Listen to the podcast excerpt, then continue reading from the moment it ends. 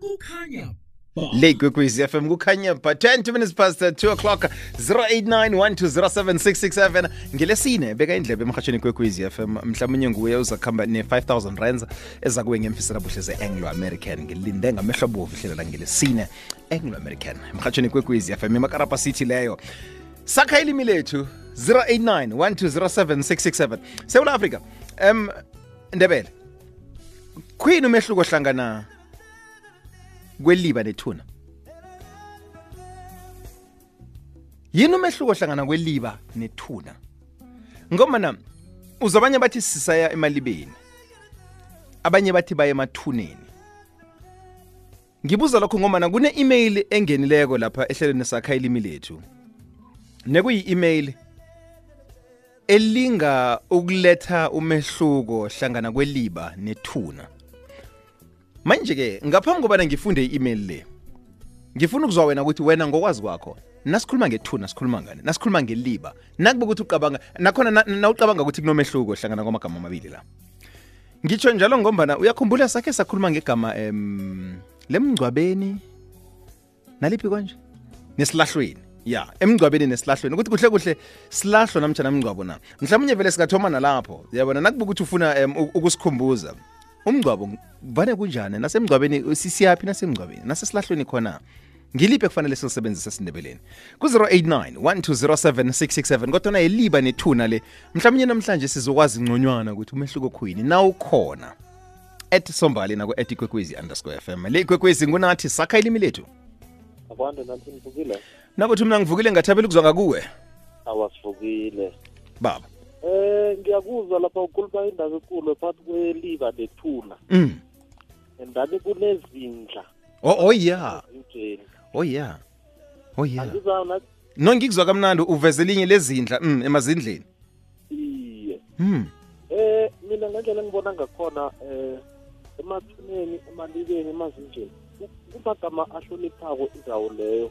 Wonke mina ngibona atsho into yinye lethi sekuya ngokuthi abantu baberegisane but anga- angilimuki kuhle ngesikhethu ukuthi engilo ngilo lesikhethu ke ngengilibi Mm. Mm. Mm. lethwa ngifuna ukuveza Lezindla, laba- abantu abazokhuluma abafuna ukuthi basihlathulule kuhle. Kuyathokoza nathi ngisho ngikhuluma nobani? Eh, ukhuluma nomsosoko bandazi oh msoso bandazi ngiyathokoza mfo. Ngiyathokoza. Mna kwethu. Le igwegwezi sakha ilimi lethu. Sakha ilimi lethu lotshane Hello, cosnot akwande Uvukile? ngivukile baba ngabuza ngakini Yeyi imbuzo yakho ke mina yangihlekisa manje sefana nokuthi umuntu athi bathi emhashweni alahleke. Yazi umraro ukuthi ukuphi sikhuluma amanye ama- amabili la. Kunelimi lesindebele lapho nelimi lesizulu lapho. Sekufana nokuthi uloshisa umuntu uthi ngihlwile. Amazulu nakathi ihlwile fana sekushinge langa. Kana ngaloshisi. Naleyo ukuthi bathi umngcwabo ukuthi bathi umngcwabo nesiphi amazulu athi aye aye emngcwabeni umndebele uthi ayesifeni ufe umuntu. Ngazi ukuthi angizona ngikuzwile baba. Um ayisikhamba nenjalo nekurarana kwelimo nje kuphela. Anginamraro ngako ukuthi sungafuna ukuthi bathi into lerarululwe ni. Malini angafaniko lamabili lawo baba lo wabuza nge-email leyo? Kuzwe kamnandi, baba. kuhle Iye. or ukhambi kwazulu natal ungezwa kuhle hle ukuthi kuhle kuhle. Nawuthi imngcwabo Mm. nesifo ushili nawuthi iliba okay. nethuna. Uzwakele. Mm. no uz- uz- uzwakele sizwa abanye siyathokoza ba ikwekwezi fm sakha ilimi lethu. Sakha ilimi lethu lotshane sakha ilimi lethu lotshane sakha ilimi lethu lo lotshane hello? Ya Ku- kazi kubudisi ungena emhatshweni ngikho si- si- sibekezela nje lotshane yabona njani? Sivukile masibuza ngakini. isiZulu ithuna isiZulu yasindebele sibalibeni ithuna yasizulu yebo. Ngesindebela sinagama elithi thuna amabili lamazindla livelaphi lona? Awu. Okay. Sakha ilimi lethu lotshani? Sanibonani bhuti omkhulu akwande baba. Linjani na? Thina sivukile singathabela ukuzwa nina siyaphila abhuti omkhulu ngiyacabanga kuya ngokuthi umuntu usebenzisa liphi ilimi kahle kahle. Njengami ngwasenasport thina sithi ema emangcwabeni. Uma ngabe siyobeka siyolahla umuntu sithi siya emangcwabeni. Then sokuba khona mhlambe labasebenzisa lesinye lesinye tetilimi mhlambe. Uma ngabekisa mhlambe kufana nebantu abakhuluma sizulu mhlambe banendlela yabo labayisebenzisa khona mhlambe. Bangathi emalibeni mhlambe bangathi emathuneni. Kodwa thine eh kuya ukuthi umuntu ukhuluma liphi ilimi kahle kahle njengami sine sithi emangcwabeni. Ngesiswati sakithi. Em ang- angibuyisele emva kancane uthe sithi emangcwabeni masiyo wa- wasebenzisa amagama amabili aphiki pheza aphikisana. Wathi nasiyokubeka lokho nasiye esilahlweni so ke nenzani niyalahla namtjana niyabeka? Siyabeka kahle kahle. Siyabeka kahle kahle. Leli- leli lesilahlo ke? Lesilathi angisho angisho kukhona ukuthi eh mhlambe bathi siyolahla zibani kodwa ngesiswati sakithi asisho njalo sithi siyofihla hayi ukuthi siyolahla. No no ncancabeza u- usebenzisela lo ya uthe uthe siyo- siyokufihla em uthe siyo- ya siyokulahla siyokufihla noceda kwathi siyokulahla no eh, sikuzwile baba siyathokoza thank bhuti omkhulu ngwanelo muhle le ikwekhwezi usemoyeni ngunathi Eh msekhethu kunjani? ngivukile baba ngathabela ukuzwa nina It's alright emaphotla na. baba Ya, msekhethu igama lesindebele eh lizinhla. Igama elithuna iyesalisebenzisa emandebeleni kodwa naligama eligcwele esimbonini sonke. Then igama elithi iliba iyesalisebenzisa nalo esindebeleni kodwa nasisebenzisa esindebeleni eh, nesuthwini kodwa igama ukungilele esindebele izindla endabeni yokulahla ukufihla umngcwabo yes magama lawo kenjalo siyawasebenzisa. Lethi ngithi bangazi ukuthi-ke basebenzisa ibhayibheli. Ibhayibheli lithi kukhona abantu abazokulahla abayokulahlwa unomphela. Kukhona abantu abazovuka bavukele ekuphileni. So manje sike iprofito lesikade basenza ukuthi abanye abantu sibapha esilahlweni sihla esilahlweni siyobalahla abanye siyobafihla. Okujukuthi okujukuthi ngokuya ngenkulumo akho le abantu esikholwa ukuthi abakholwa esikholelwa ukuthi abakholwa vane siyobalahla. ya vele labo-ke vele abangakholwa khethe bangamfuni wakumfuna uzimu. Vele labo-ke bayokulahla ngoba ibhayibheli lisenza bokuvukela ekulahlweni okungunomphela. Ya okay. Hayi noyizwakele um ngiyathokoza. Akusihlathulule engihlalisa kamnandi kodwana kusanamraro msuthu. thokoze mhlalukani nokuthi uvukile? Esingezwa nina. Siyathokoza. Nakamagama mathathu igama lethuna iliba nezindla. Ukhumbule bona ukwakheka kwelimi ngesinye isikhathi uthola kubangelwa kukhamba kwesikhathi nokukhamba eh kokuchuguluka kwezinto nenkulumeni ngombana ilimi likhambisana nokwenza nokuphila kwabantu kodwa kwenza umehluko ngako naziza. Emagameni anjengalakhe sithomeke ngokukhuluma ngethuna. Ithuna kulapha umuntu ongasekho. Sizwa-ke siyahlonipha sithi umuntu ongasekho asithi umuntu ofileko. Lokhu-ke kubangelwa ukuthi ekulumeni yethu kunendlela yokukhuluma yenza bona sihloniphe. Iba ukuthi-ke umuntu ongasekho ufakwa eh, emgodini lapha kuzokuthiwa khona lithuna lakhe lapha ayifi ayokufihlwa khona lapha ayokubulungeka khona lapha ayokubulungwa khona. Ngombana kukhambisana nesikopilo lokukhwelelwa komuntu bonyana umuntu njengobana kuthiwa nangu ubhubhile kodwana kuthiwa ulele begodwa kuthiwa uyabulungwa ngombana kuthiwa awa akakafi lo muntu ulele. Sisazi nje bona lokufa likhona. Bese-ke isintu siyokuthi elibeni iliba kuba lithuna elingaziwako endaweni leyo bonyana kulithuna likabani.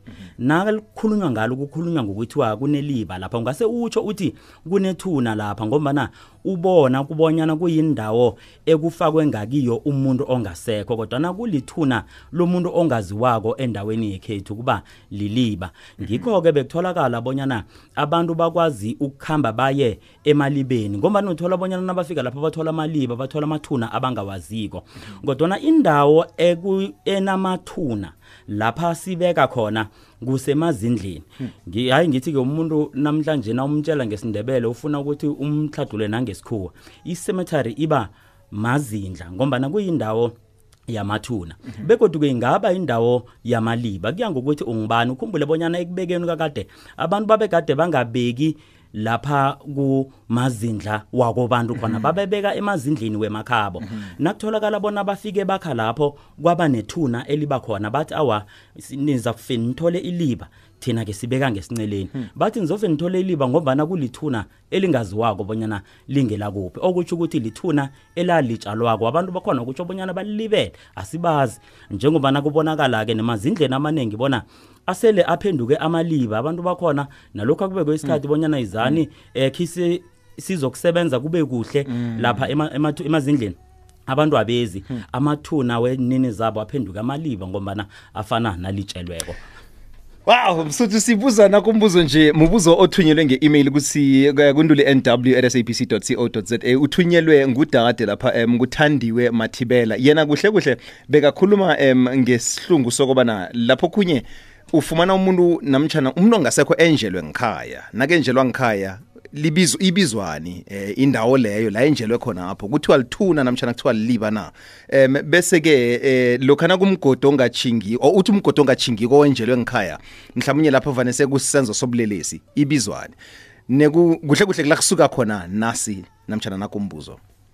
Msu- eh, msuthizwakele ngale kwalapho jama kasenze ngale ndlela. Asithome ngokudlulisa umo lendaba ezabe zikhamba phambili ngesimbi yesithathu sikwazi ukuyiqedelela. Le igwekwezi fm kukhanya bus silindi half past two.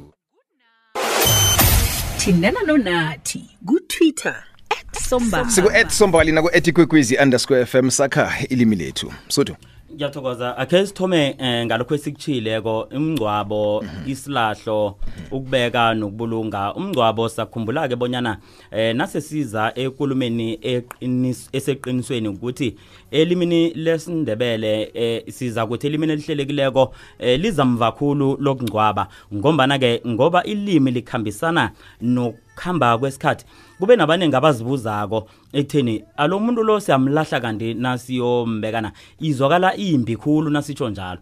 Kanti-ke bekwatholakala-ke bonyana elimini lesindebele nasikhuluma ngesilahlo sikhuluma ngomuntu olele angakathathi nofana olele angakendi kusilahlo sakhe. Ngale kwalokho-ke sizokuhamba siyokubulunga siyokubeka siyokufihla umuntu ophuma ngakwakhe onomuzi. Lokho kubangelwa eh, i- i- ikolelo yesiko ethi umuntu enikhambe nayombeka nayomfihla nayombulunga lo nizokwazi ukubuyela kuye niyokukhuluma naye lokhu nalokhuya nokubawa lokhu nalokhuya ulilwa ngalokhu nalokhu. Kodwana umuntu okhambe amntwana ngokwekolelo yesintu sethu akekho umuntu oza kuya kuye athi uyokubawa ini. Ngilokho-ke kuthiwa-ke lo sikusesilahlweni lo siyomfihla siyombeka siyombulunga. Kuthiwa-ke ngokuhamba kwesikhathi-ke konke-ke sekuba semngcwabeni abekuhlukanisike bonyana nasithi umngcwabo sihlukanisa umuntu onjani. Nangokwempilo yanamhlanje ngokwempilo yamalungelo kuba ngelamukele kakhulu-ke na ungase ususuke ukuhamba usitshele lapha uthi batsho uye esilahlweni khibe ukhuluma ngomuntu omdala ngombana khange athatha. Bese nasithi hawu wathi uye esilahlweni uthi awu asiyomlahla ngombana umuntu ongakhange athatha ngibani uza kuya kuye. Akuzukuhlala kamnandi namhlanje. Ngilapha ikulumo leya ethi uzokufuna ukuba politically correct. Ko- kodwa msuthu kunabantu aba- abalala bangakathathi abalandwa endaweni ezihlukahlukene aba abasala epini kuba yini bona bayalandwa bazokubekwa kuhle? Namtshana Ko- sengisho ukuthi ngifuna ukubuyela emaka- egameni la lokulahla. I awangiboni ningombana abantu abazokuhamba bayokuthatha umuntu lo ngekhe kube bafowabo nabodadewabo. Kuzokuba benta bakhe kuba mkhulu wabo nakha nakha kuzokuba nguyise.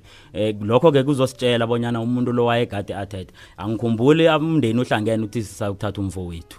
Kodwa bathi Unganabe sekuthatha iqhegu elasala epini iye nawungathi uya- akunaphi bekulwa em- em- empini zonke engizaziko mina be- bekulwa amasokana bekungalwa amaqhegu.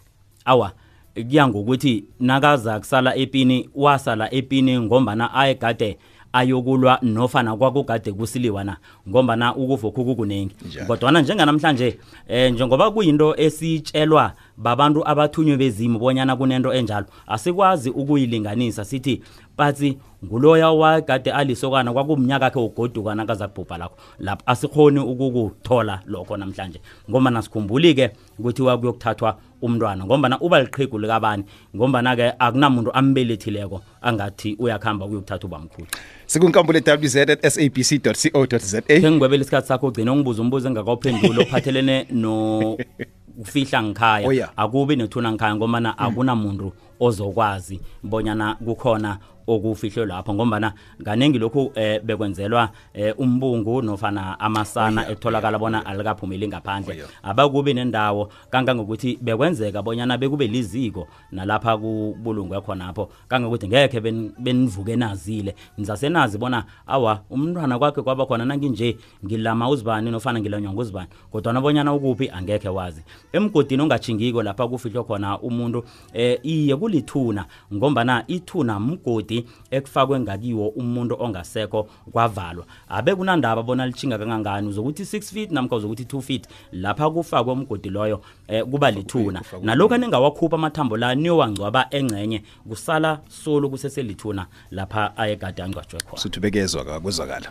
nkambule wz at sabc co za nduli nw at sabc co za isakhayilimi lethu